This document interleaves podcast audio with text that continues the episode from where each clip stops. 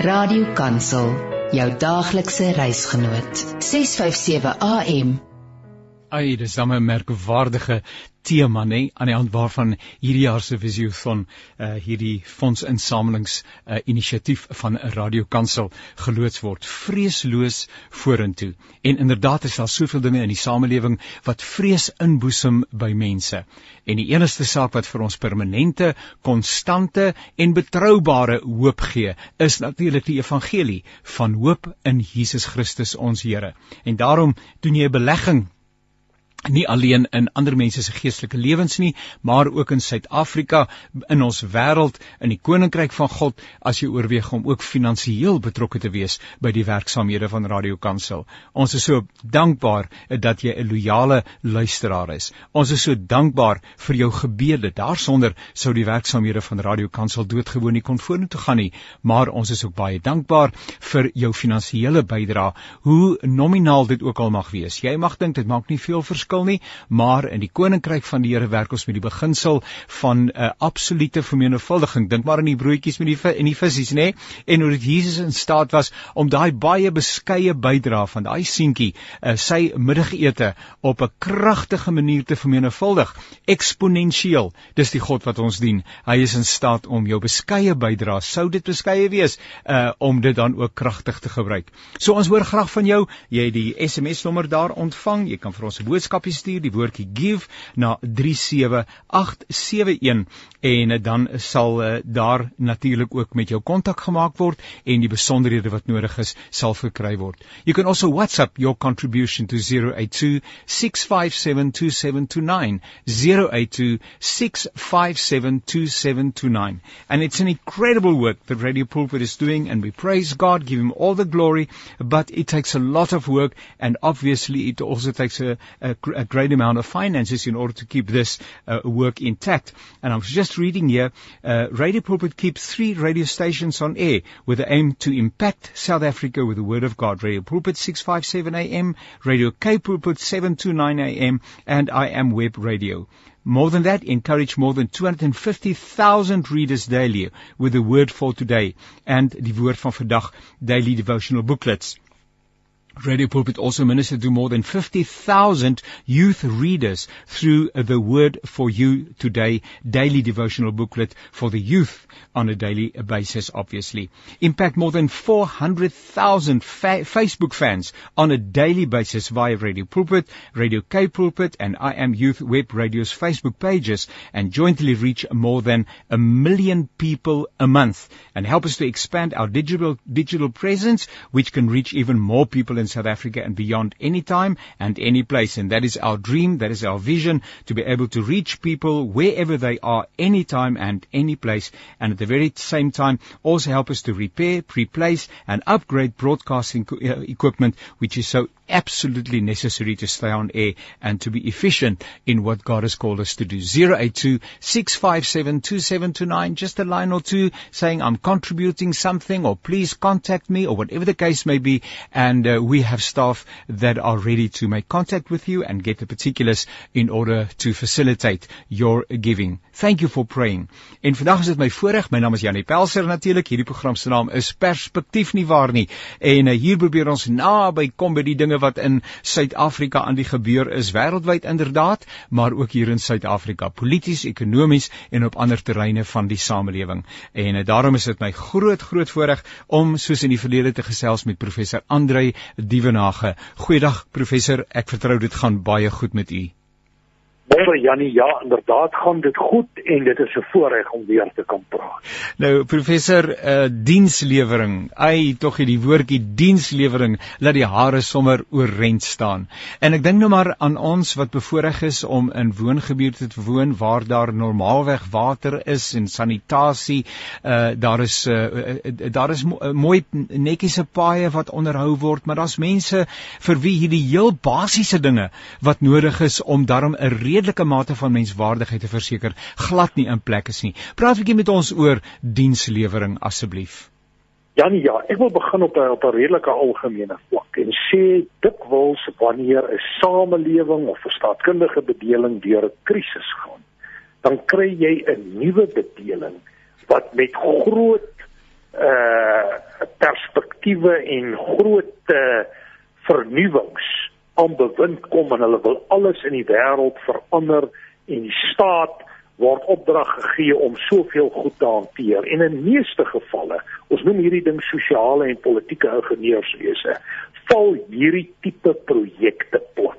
Ons het dit gesien in die ou Sowjetunie jy het dit gesien met Uyama sosialisme in Tansanië jy het dit gesien ook op 'n ander manier met die grondhervorming in Zimbabwe. En na 94 het die staat in Suid-Afrika besluit om alle dienste uit te brei vir almal en uiteindelik waarmee ons tans sit is baie na aan die omgekeerde ja. van daardie ideaal.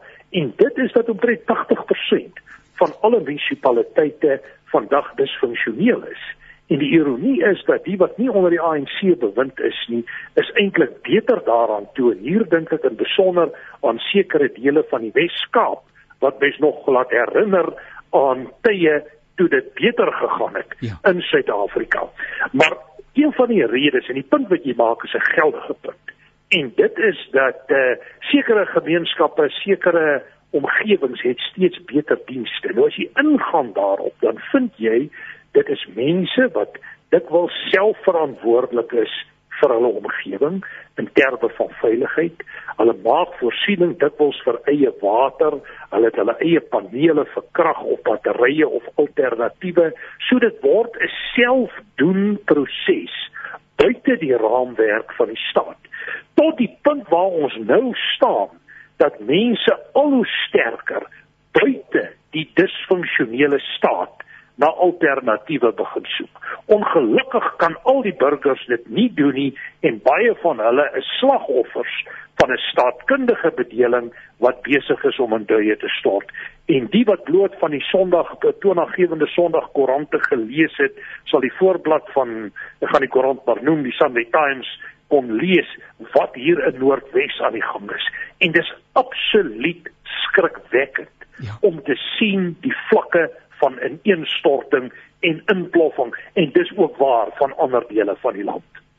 Die die vreemde bly steeds en jy het ook in die verlede al daaroor uh, gesels, maar mense bly maar altyd weer wonder dat dieselfde strukture en mense en amptenare wat verantwoordelik is vir die disintegrasie uh, uh van die funksionaliteit van hierdie dienste, uh, tog weer met 'n geringe belofte uh, op opdaag uh, uh ensovoorts en dan skielik is alles weer doodreg en dan word dieselfde mense doodgewoon in dieselfde plek gehou.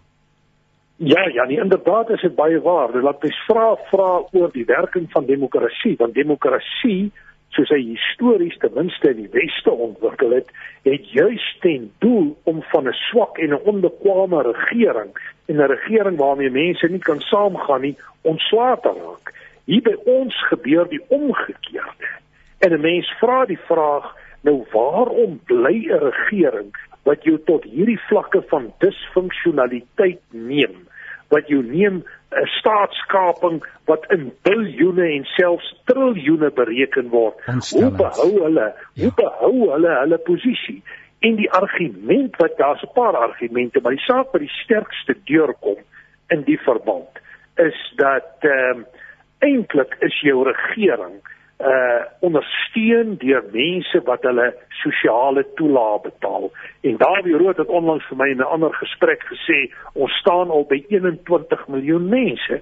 So hierdie mense is op 'n manier gekoopte stemme ja. en vir hulle is daardie patronaatskap, daai ding is vir hulle eintlik die rede hoekom hulle so stem en so bly stem. En dit laat mens ernstige vrae laat vra oor die werking en die funksionering van ons demokrasie op hierdie tydstip.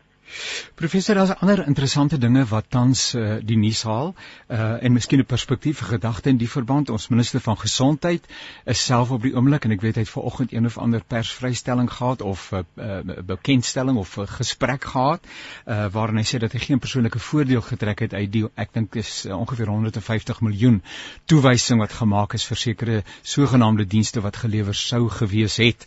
Uh u gedagte daaroor en uh, vanoggend se beeld uh kom die redakteur uh, of die persoon wat die redakteurskolom skrywe en sê dis baie baie belangrik dat meneer Ramaphosa in hierdie verband baie konsekwent uh, sal optree. Uh, wat lê vir hom voor die deur? Weet jy Jannie, kom ek het vroeër vanoggend met 'n ander joernalis gepraat oor wat in die Vrystaat aan die gebeur is. En die anti-eis groep en daar's name genoem pertinent is mense wat net hulle staan aan die Ramaphosa kant. Ja. Wat net so geweldig korrup is. Hulle is op hulle is eintlik nie veel minder korrup as Ismagashule. Ja. En die punt wat ek daar wil probeer maak is dat meneer Ramaphosa se omgewing is ook nie 'n skoon omgewing nie. Dit klink so, nee. Ja. Uh, meneer Mkhize uh, is is is werklik 'n kernpersoon ja. naby aan meneer Ramaphosa en die sleutelpersoon in terme van COVID gelde. Ja. En ons weet meneer Ramaphosa het voor die COVID toekenninge gemaak is gesê hier staan ek voor julle vertrou my ek sal toesien dat hierdie proses skoon en glad verloop. En nou word sy hoofminister wat die ding bedryf geïmpliseer en ek kan nie anders as om baie sterk saam te stem met die beeldredaksionele kommentaar dat hier konsekwent opgetree moet word nie. Die vraag is wel kan meneer Ramaphosa bekostig om konsekwent op te tree? Ja. En ek is bereid om te sê die probleem is te groot. Die probleem strek te ver. En nou wil ek die lyn terugtrek na wat op die oomblik in Pietermaritzburg afspeel. Ja, ja, Daar waar die Zuma verhoor aan die gang is en ek ek het nog nie nuus gekry daarop nie. Dit was heel oggend nog in die radio gesprekke en onderhoude, maar ek vermoed Ismagashule sal daar wees en hulle gaan hierdie kwessie van konsekwentheid en inkonsekwentheid baie sterk speel. En al die uh, Ramaphosa loyaliste van Zweli Mkhize tot Malusi Kigaba tot uh, uh ja nie Malusi Kigaba nie die die die, die jeugleier Ja, ja, die vorige jeugleier van die ANC al daardie mense wat na aan Ramaphosa be beweeg word geïmpliseer in hierdie proses. En ek moet eerlik sê my perspektief van die laaste jaar of twee staan nog steeds dat hierdie probleem is groter as wat meneer Ramaphosa en die ANC kan bestuur.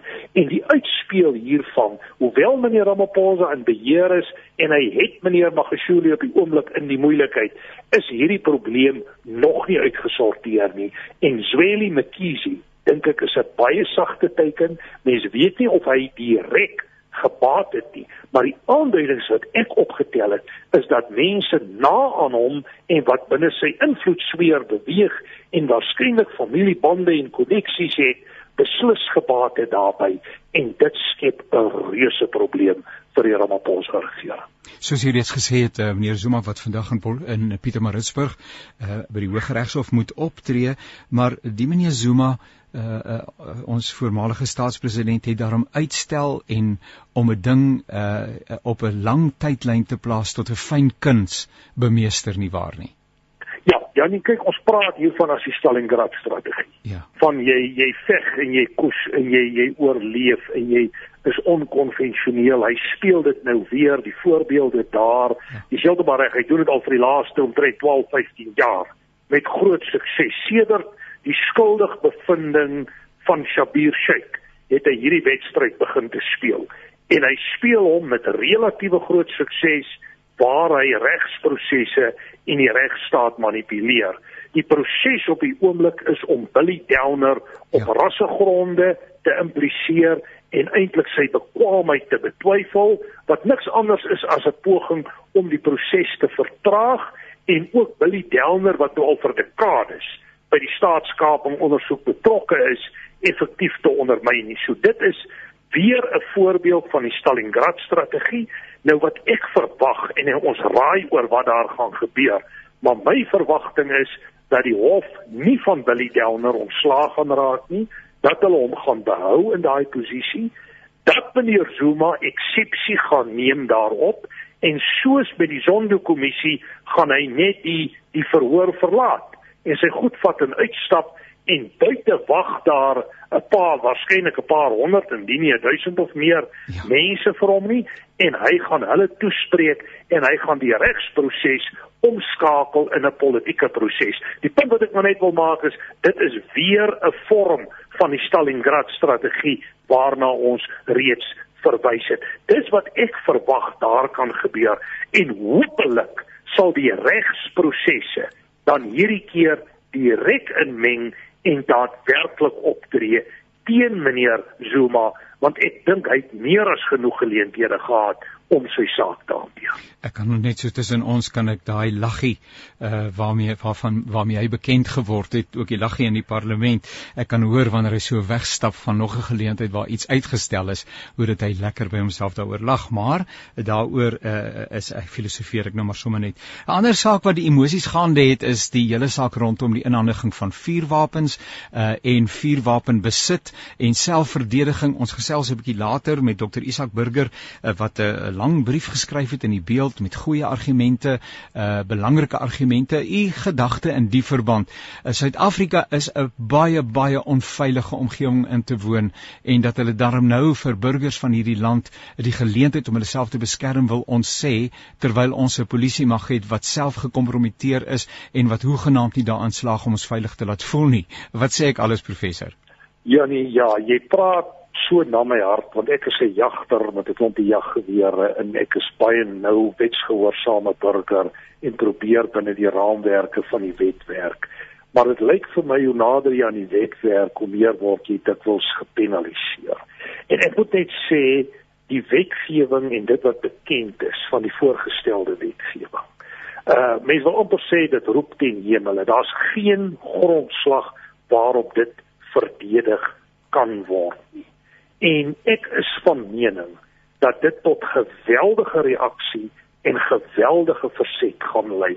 Ek ek kan nie sien dat die wapeneienaars en dis nie net wit. Daar's ook ja. ek dink die grootste persentasie is swart dat dit tot forme van verset gaan lei. Trouwens, ek is pas gevra om 'n artikel te skryf oor 'n vorm van of ons nou die fase van versetpolitiek betree. Want ons het tekens hiervan gesien by Senekal, ons het tekens gesien by Kolini, by Brackenfell en dit eskaleer al hoe meer rondom grond en grondbesit. Hierdie wapen is 'n wapenwetgewing is 'n sneller vir eskalerende verset en konflik. En dis in tye soos hierdie waar jy 'n regering nodig het wat met insig en verantwoordelikheid hier handel. En ek is bevrees die ANC gee vir my geen indikasie dat dit die geval is nie. Allermins die uitsprake en optrede van Cele wat self op sy eie aan korrupsie al skuldig bevind is en ontslaan is. En dit is so waar wat jy sê ons mense word ontwapen in 'n tyd waar jou kriminele jou strafregstelsel wat ek eerder sê besig is om in duie te stort. Vir die eerste kwartaal van 2021 het ons van die hoogste uh moordsyfers gehad. Ja. 5 keer hoër as die gemiddelde staat met wie ons ons kan vergelyk in die wêreld. Ja. Ons praat van 57 moorde per dag. Jy praat van omtrent hier by die 120 verkragtings per dag en dan moet mense ongewapen gaan. As ek op die plase kom en van my familie boer en ja Ek ja. kom uit 'n jagtersomgewing. Dis skrikwekkend hoe mense hulle self beveilig. Ja. My skoonseun het uister voor sy deur gesit om seker te maak 'n AK47 kan nie daardeur skiet nie. Ja. Hulle het kameras dwars oor die plase. Dit is dis iets ongeloofliks ja. en ons betaal belasting vir die staat om ja. ons te beveilig. Ja. Janie, hier is groot fout en die regering moet sy oë oopmaak. Ek het ongelukkig nie gelees wat Isak Burger geskryf het nie, maar ek het 'n vermoede ons gaan 100% saamstem op hierdie. Nou, wij gaan een beetje later, hier rondom 11.40, uh, gaan ons met Isaac Burger gesels. Ons gaan nou met Elise Tempelhof gesels. En uh, sy is een omgevingsjournalist. En ons gaan gesels oor dit wat sy vandag op die hart het. Maar uh, professor uh, André Dievenage, altyd so een voorrecht om saam met u te keir. Baie, baie dankie vir uw beskikbaarheid. En uh, wat een interessante, uitdagende wereld leven ons nie. En in die licht van dit wat u ook nou gesê het rondom die moordcijfer en al die ander uitvallen in Suid-Afrika. As gelovig is, ook hier by Radio Kansel, weet ons dat ons iewers 'n uh, bonatuurlike ingryping nodig het want dis die harte van mense wat korrup en stikkend is. En uh, nou ja as die Here nie vir ons help nie nou ja wat sal ons dan nou doen? Gelukkig het ons daardie perspektief. Dis ook die bediening van Radio Kansel en dis waaroor ons waaroor ons ook met vrymoedigheid by ons luisteraars aanklop en sê hou ons asseblief op die lig sodat ons steeds 'n stem van hoop kan wees in 'n donker tyd seënwense vir u 'n wonderlike wonderlike dag Baie dankie Jan. So gesels uh, professor uh, Andre Dievenage, dis hom lekker om te kuier met mense wat weet nê en wat vir ons perspektief kan gee sodat ons ingeligte besluite kan maak. Uh en ek herinner ook vir jou dat hierdie program met die seën en die ondersteuning van Radio Kansel aangebied word, maar dit beteken nie noodwendig dat of myself as die aanbieder van die program alhoewel ek uh, nog no nooit regtig 'n probleem gehad het nie, maar ons wil dit tog wel sê dat dit gegee word sodat u as luisteraar die nodige inligting het en dat u meer ingeligte besluite kan maak waar dit dan nodig is. So uh, we do not personally take responsibility for the ideas, perceptions, uh, etc that are being expressed in this program, but uh, the contribution in this program is so that you the listener can make informed decisions. En dis 'n heerlike voorreg om met mense in die verband te gesels. Nou ek gesels met iemand wat 'n uh, interessante ding op die hart het vandag en ek dink dit gaan nog al 'n paar ehm um, gevoelens dalk gaan maak, maar kom ons hoor 'n bietjie Elise Stempelhof en sy is 'n omgewingsjoernalis. Om uh, Elise, dit gaan goed met jou? Goeiemôre Jannie, Jannie, dit gaan baie goed, dankie. Dit is so lekker om met jou te kuier. Ja, jy het altyd jy het altyd so glimlag in die stem, Elise. Ag ek is bly om dit te doen. ja, ek het maar baie keer as ek maar half 'n bietjie bedruk en so aan oor ja. dinge wat gebeur en so, maar ek probeer maar altyd ja, om as... positief te bly. Maar vir alles se mens ja, mense kan kry. Skiet tog? Praat gerus, praat gerus. Ehm um, ja, vir alles se mens weet ehm um, deurdring tot tot mense en hulle begin besef eintlik wat jou boodskap is. Ehm um, nou ek wil vandag 'n beroep op die luisteraars doen om ehm um, ek dit gaan oor oor berigte wat ons die afgelope tyd nogal redelik baie oor geskryf het en ehm um, dit gaan oor wild. Ek meen Suid-Afrika is so geseën met so 'n geweldige biodiversiteit. Ja. En ons het sulke wonderlike wildreservate ja. en en ja, eh, wildreservate en natuurreservate. Ehm um, in 1997 het daar natuurlik nou 'n baie slegte ding gebeur en dit is dat boere het begin om met leeu's te boer en ek wil nou vandag vir uh die luisteraars vra om nie hierdie plekke te ondersteun nie. Nou dit is nou al 24 jaar is as ek my as ek my somme reg maak, maar daar geprobeer word om hierdie plekke te sluit. En ehm um, nou dis baie lekker vir vir iemand miskien ek weet nie om nou, vir, met 'n klein welpie te speel want dit is hoe hierdie hele wildbedryf, hierdie hele leeubedryf ontstaan het is deur mense te lok om met welpies te speel.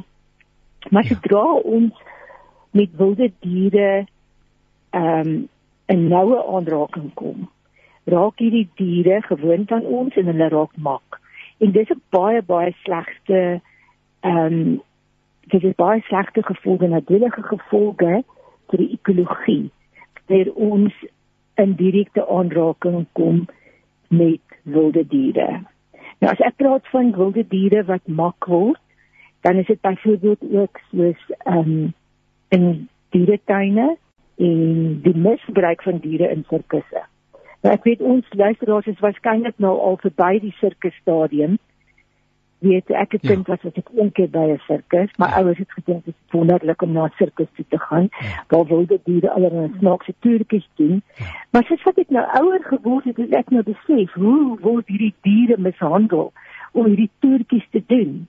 So ehm um, ek wil ek ek het eintlik 'n drieledige ehm um, versoek wat ek wil rig en dit is dat ons nie leeuplase besoek nie om nie hierdie uh, plekke te ondersteun nie en wel die minister nou gesê sy gaan probeer om hierdie ehm um, leeuplase toe te maak ja.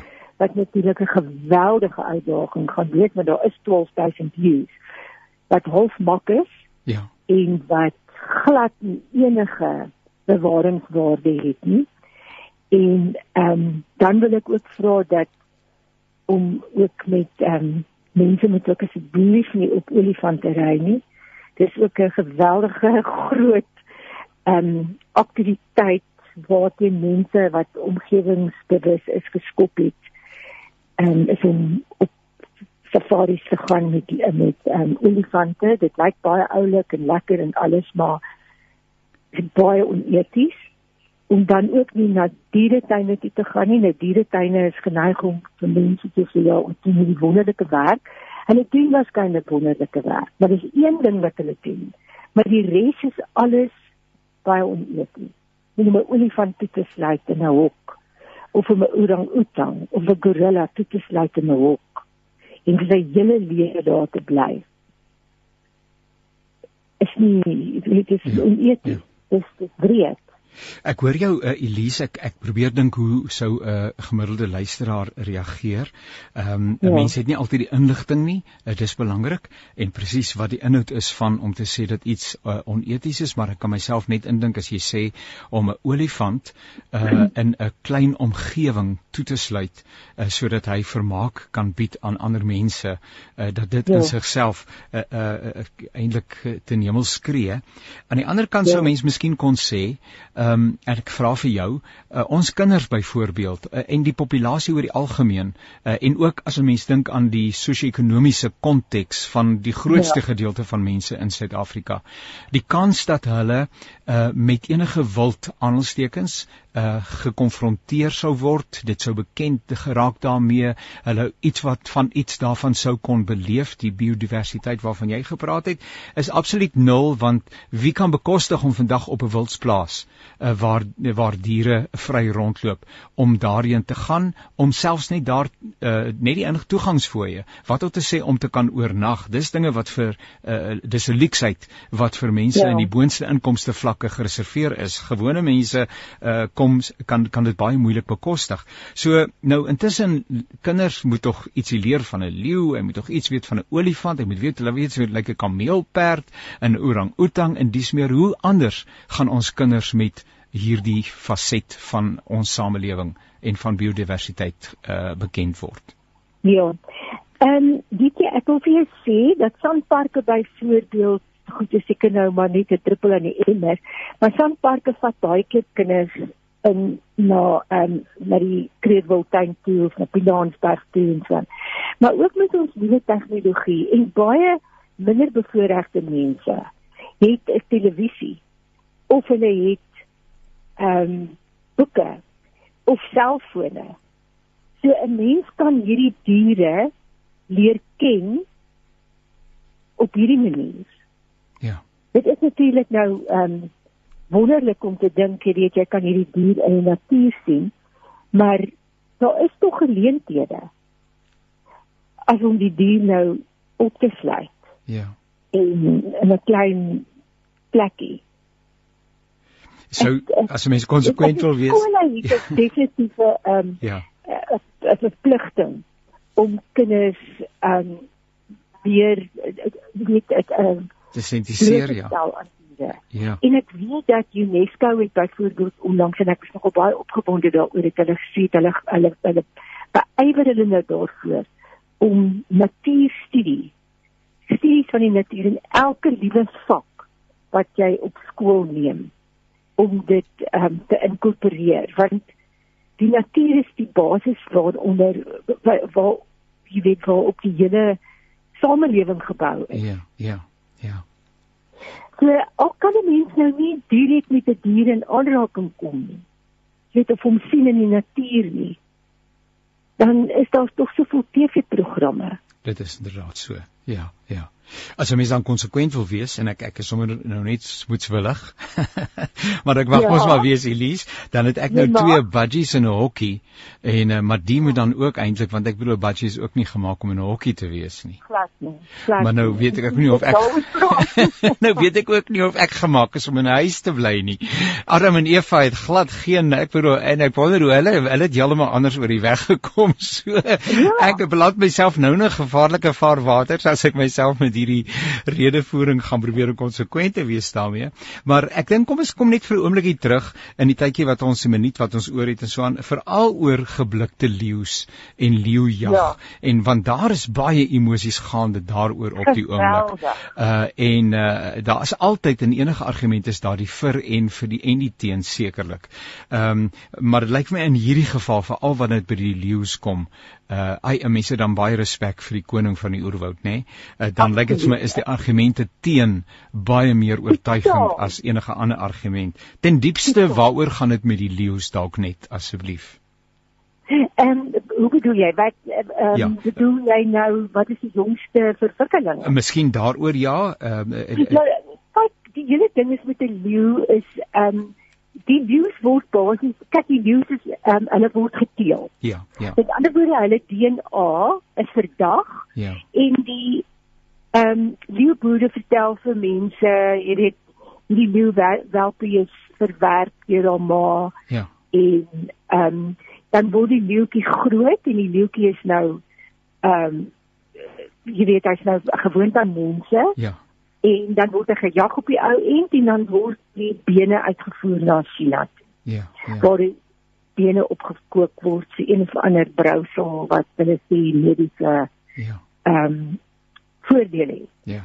Wat natuurlik nog glad nie eh, ehm uh, um, dit wat ons glad nie bewys is ja, nie. Ja, ja, maar, ja. Ek weet ons sit nou in 'n situasie waar ons weet presies wat die minister wat gaan sy doen met die 12000 views. Ja. Want ek weet in 19 99 of 97 het hulle begin met ek dink iets ek het nou nie al die syfers nie maar ek dink iets is 200 leeu's gehad. Nou het ons 12000 leeu's. In aanhouding, ja. Omdat ja, omdat ons met ehm um, omdat ons uitgestel het.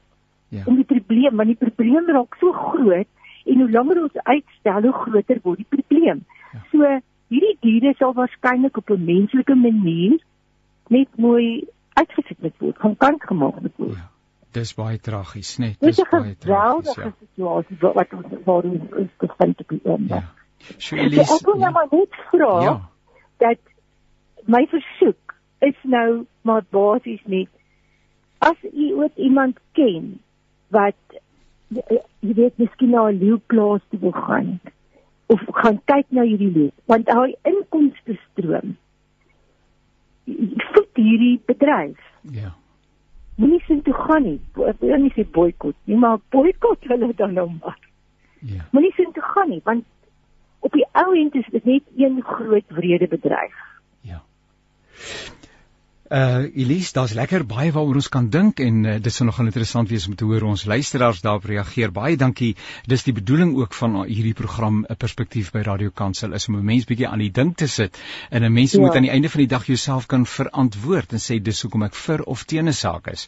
En uh, ons gee graag inligting uh, deur uh, en uh, natuurlik is dit belangrik wat jy sê en hierdie goeters is kontekstueel op die oomblik in die nuus en ons wil graag so naby aan uh, die uh, die die die gesprek kom wat in Suid-Afrika gevoer word. So baie dankie daarvoor. Uh, ons gesels volgende week verder as die Here se wil daarby is en ons gespaar is en jou dagboek dit toelaat, maar tot dan seënwense vir jou, hoor baie baie dankie vir julle ook en dankie vir die geleentheid. Dankie. En baie sterkte en 'n aangename dag vir almal. Seënwense, totsiens. Tot so gesels Elise Tempelhof en sy's 'n omgewingsjoernalis. Interessante perspektief wat sy weer dag op die tafel het en ek wonder nogal ons luisteraars daaroor voel. Uh, Hier's 'n hele klompie uh, SMS'e wat inkom of dan liewer WhatsApp boodskappe, mense wat vra waar hulle uh, daardie geldjie moet deponeer, ander wat beloftes maak. Ek kan nou nie vir u almal nou noem nie, maar baie baie dankie daarvoor en uh, wees gerus dat die oomblik wanneer u boodskap deurkom word u uh kontakbesonderhede geneem word met u in kontak getree uh, sodat daardie uh, toewysing dan ook op die uh, regte plek sal land en op 'n verantwoordelike wyse aangebreek sal word. Wil die kommering sê, hoe is dit dan nou dat jy politiek praat op 'n radiokansel en op 'n Christelike radiostasie? Ehm um, liewe Willie, dankie vir jou uh, opmerking. Ons waardeer dit.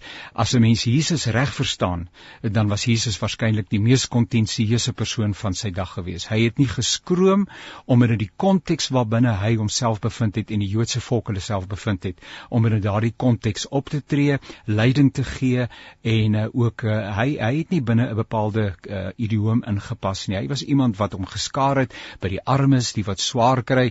Uh, as ek dan nou maar net dink aan dienslewering byvoorbeeld in Suid-Afrika en dat daar mense is wat hulle self hoegenaamd nie kan verdedig nie, hulle het dikwels nie 'n stem nie, hulle het nie onderhandelingsmiddele nie. Baie van ons kan doodgewoon na 'n bank of finansiële instelling gaan en ons kan gemaklik kan ons 'n lening of iets van daardie aard aangaan. Ons het iets om mee te werk. Daar is 'n groot gedeelte van ons bevolking, uh professor Dievenage het 21 miljoen genoem wat op sosiale bydraes uh van die staat af afhanklik is. Dit raak my hart wanneer ek iemand het wat in my tuin werk en ek vir hom uh dit wat hy kan bekostig gee uh en dit is wat hy het. Môre dan kontak hy my dan sê ek wil water of ek wil elektrisiteit laai en ek het R50 nodig, kan jy my daarmee help? Probeer jouself in 'n situasie indink waar 'n mens nie R50 het sodat jy elektrisiteit kan laai nie. En nou lewe hierdie mense in kontekste en omstandighede waarin kinders tussen rioolvuil moet lewe, uh waarin daar nie infrastruktuur is nie, daar is nie paaie nie,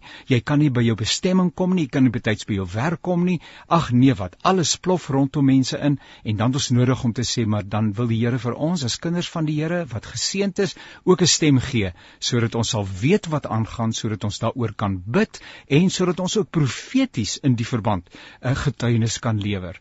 Uh, so ek sou 'n lang gesprek daaroor en miskien by 'n volgende geleentheid. Dankie. Dis 'n belangrike tema uh, wat jy op die tafel geplaas het. Waaroor sou ons hoegenaamd oor hierdie tipe van kwessie uh, wou gesels? Omdat die koninkryk van God op aarde kom. Jesus se gesprek, Jesus se gebed, laat u koninkryk soos hy ons geleer op aarde kom en die koninkryk van God is 'n plek waar daar nie onreg is waarin daar nie seer en trauma en teleurstelling is nie en ons beywer ons daarvoor. Dit kan ons nie doen sonder inligting nie. Net so belangrik dan die gesprekke rondom wapenbesit en ek gesels me nou met Dr Isak Burger. Dr Isak, goeiedag. Goeiemôre Janie, goeiemôre aan die luisteraars. Baie baie dankie dat ons kan saamgesels. Dit is 'n baie emosionele aangeleentheid tans. Dr Isak, uh, professor Andre Dievenaar gesê dis eintlik 'n plofbare situasie wat tans op die tafel gekom het uh, rondom wapenbesit en dat daar gewag gemaak word daarvan dat mense uh, dan nou nie vir selfverdediging wapens sou kon besit nie.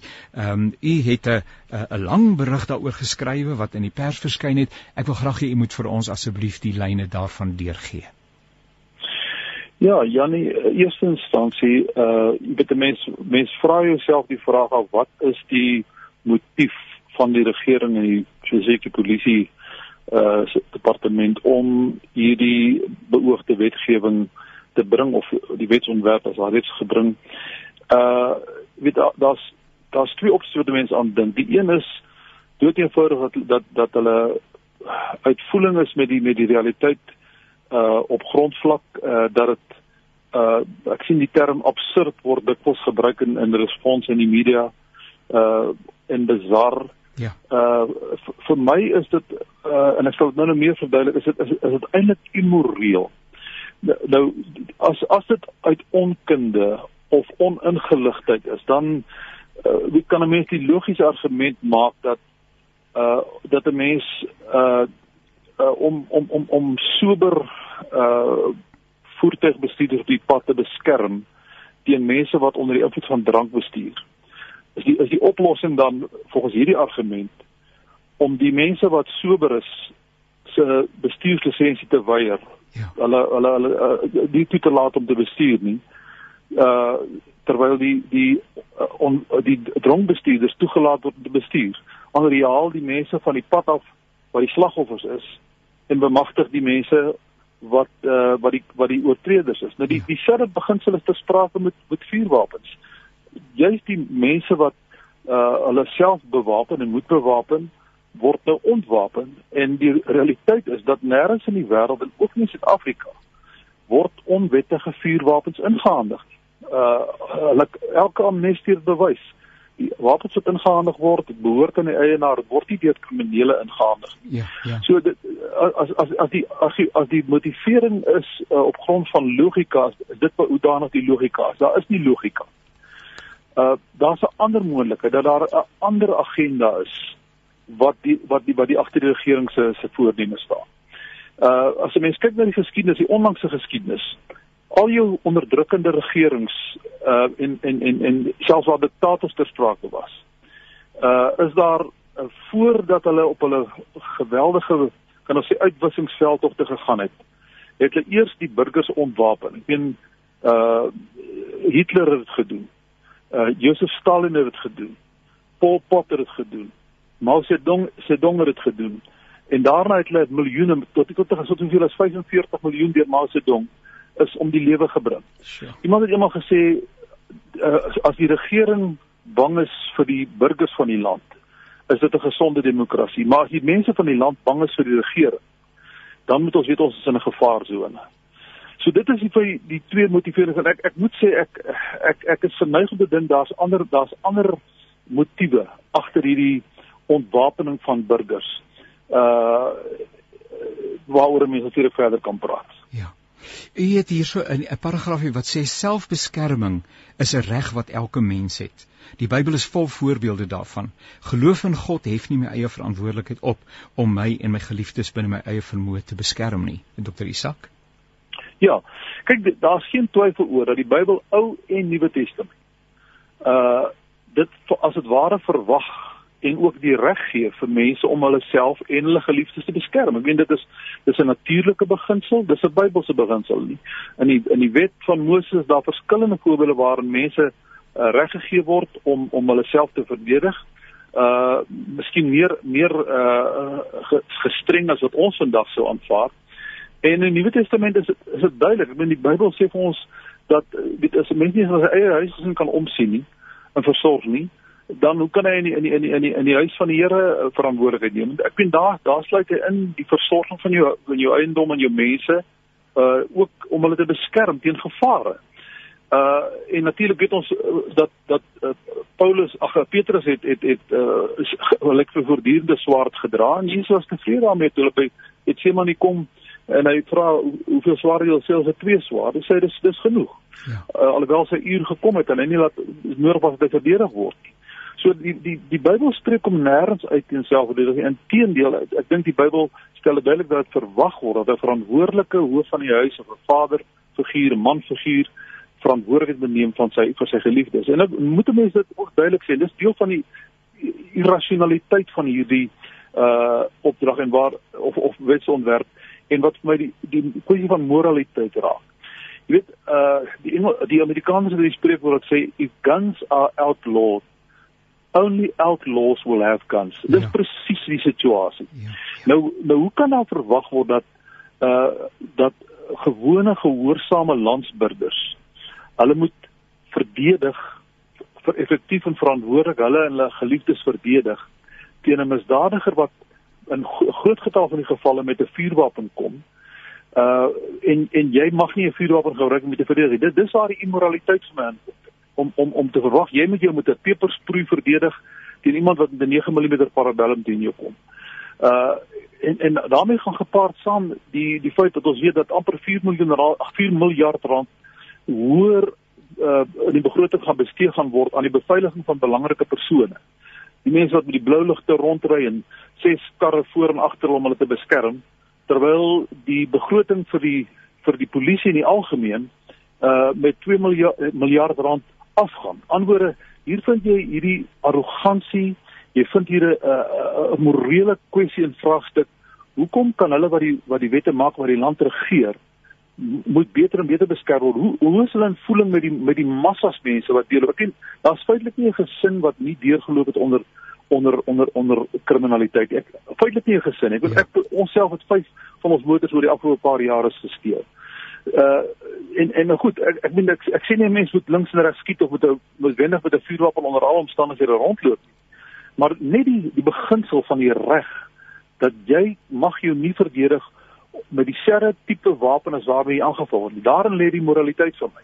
Mense wil nie mense wil nie uh jy weet wat Israel nou beskuldig was die afgelope paar weke omdat hulle baie groot slaankrag het uh jy weet teen die Palestynë dat hulle uh oordadig mag gebruik. Daaroor wil ek my nie uitlaat nie, maar gaan nie oor oordadige magte gebruik. Dit gaan daaroor jy moet jou lewe beskerm. As jy dit nie kan doen nie, as jy faal jy as vader, faal jy as as man, faal jy as landsburger. En nou is dit terug by die argument van hoekom word of of sou uh, sou nooit oor, oorweeg word dat sober motorbestuurders se lisensies geweier word uh omdat daar mense wat dronk bestuur wat 'n lisensie het nie.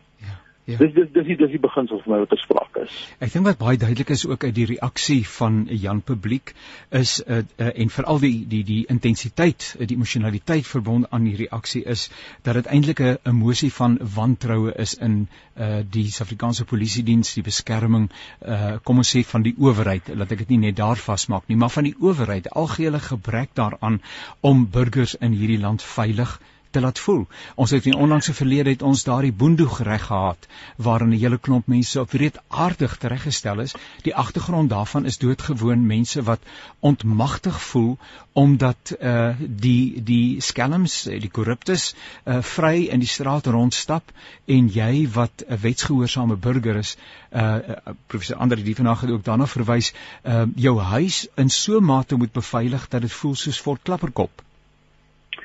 Ja nee, dis 'n baie belangrike punt wat jy aanraak daar.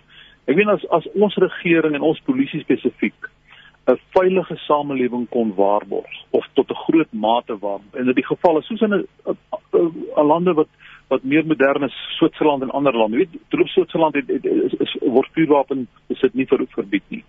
Uh, dan was 'n ander storie. As die as die polisie kon waarborg dat hulle effektief is, korrupsievry is, goed genoeg toegerus is, Maar die feit van die saak is hulle faal. Ek weet daar is hoeveel keer meer, twee keer meer uh veiligheidsmagte, weet privaat veiligheidsdienste uh, as wat as wat polisie mense is. Dienste waarvoor jy addisioneel betaal. En hulle pas jou nie op sodat die belangrike persone opgepas word deur drie vier polisie manne nie. Uh laat sê ek ook in 'n artikel as die as die dag sou aanbreek dat ek kan seker weet die polisie mag is is is in staat om my en my gesin veilig te beskerm en uh dat ek nie met wapens aangeval word waarvan ek nie gelyke uh tipe wapen het om my te verdedig nie. Dan sal ek met die grootste vrymoedigheid van my van my vuurwapen ontslaa raak of gaan ingee. Ja, ja. Uh om myself te verdedig met vuurwapen. Maar in in die huidige situasie, dit alles raak die kwessie van moraliteit. Die staat faal, ons sit met 'n staat indien totaal reeds gefaal het, is hy is hy veilig. Ons sit met 'n polisie mag wat totaal die stryd teen misdadigheid en misdaad verloor het. Dit is die realiteit. En daarom moet ek ek het tot 'n groot mate alhoewel ek nie die geweld goedkeur wat deur boendo geregtigheid uh, uh of boendo uh geweld ja. uh, veroorsaak word. Ek, uh, mens kan nooit geweld wil goedkeur nie, maar ek verstaan dit. Ek weet ons wat wat wat in huise woon waar ons waar ons veiligheids allerlei veiligheidstoerusting het uh is, die minderheid. Ek weet die massas van Suid-Afrika se mense bly in situasies waar hulle hulle maklike uh, slagoffers in in prooi is en nou kry hierdie syndikaate en misdadigers, hulle sien nie die armste oor nie, hulle sien niemand oor nie. En nou nou kom dit op 'n punt dat hierdie mense, soos jy reg gesê het, die die reg in eie in eie hand neem. Dit is verkeerd, maar ek verstaan dit en ek wil ek wil ek wil voorspel dit gaan toeneem. Uh soos wat die tyd aangaan dood eenvoudig omdat die polisie val en terwyl hulle nog val wil hulle die gehoorsame landsburgers van hulle wapens ook nog ontneem om hulle self te beskerm. Ek besef ook dat wanneer mens praat van byvoorbeeld soos in voorbeeld die polisie dat daar ook individuele polisielede is en ons wil heeltemal te ken, uh, erken dat daar wonderlike mense is wat erns bedoel. Maar uh, ek dink wat u grafies hier in die berig ook beskryf is eintlik die 'n uh, manier waarop die Suid-Afrikaanse polisie diens ontmagtig word vir sy taak. Want om 2 miljard rand uh, 4 miljard rand op sy begroting te besnoei en 2 miljard R500 daarvan te gee sodat 'n paar ouens in gerief kan rondry uh en en en voordele kan geniet wat dan nou sogenaamde politici of belangrike persone is. Dit skree absoluut in die hemel. Dit is uh, dit dit grens aan totale absurditeit en jy verstaan nie die rasioneel, die rasionaal daar agter nie.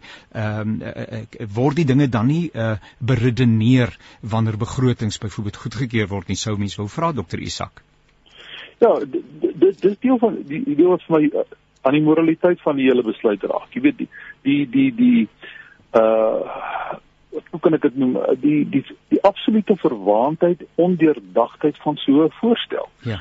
Uh ek stem met jou ons saam. Mense is so dankbaar vir polisielede wat daar is wat hart en siel daar is. Maar die feit van die saak is dat jou polisie mag in die algemeen het nie meer die vertroue van die publiek nie. En ons hoor dit gereeld hoeveel misdade, selfs verkrachting, die meerderheid word nie eens meer aangemeld. Uh via diefstal op plase.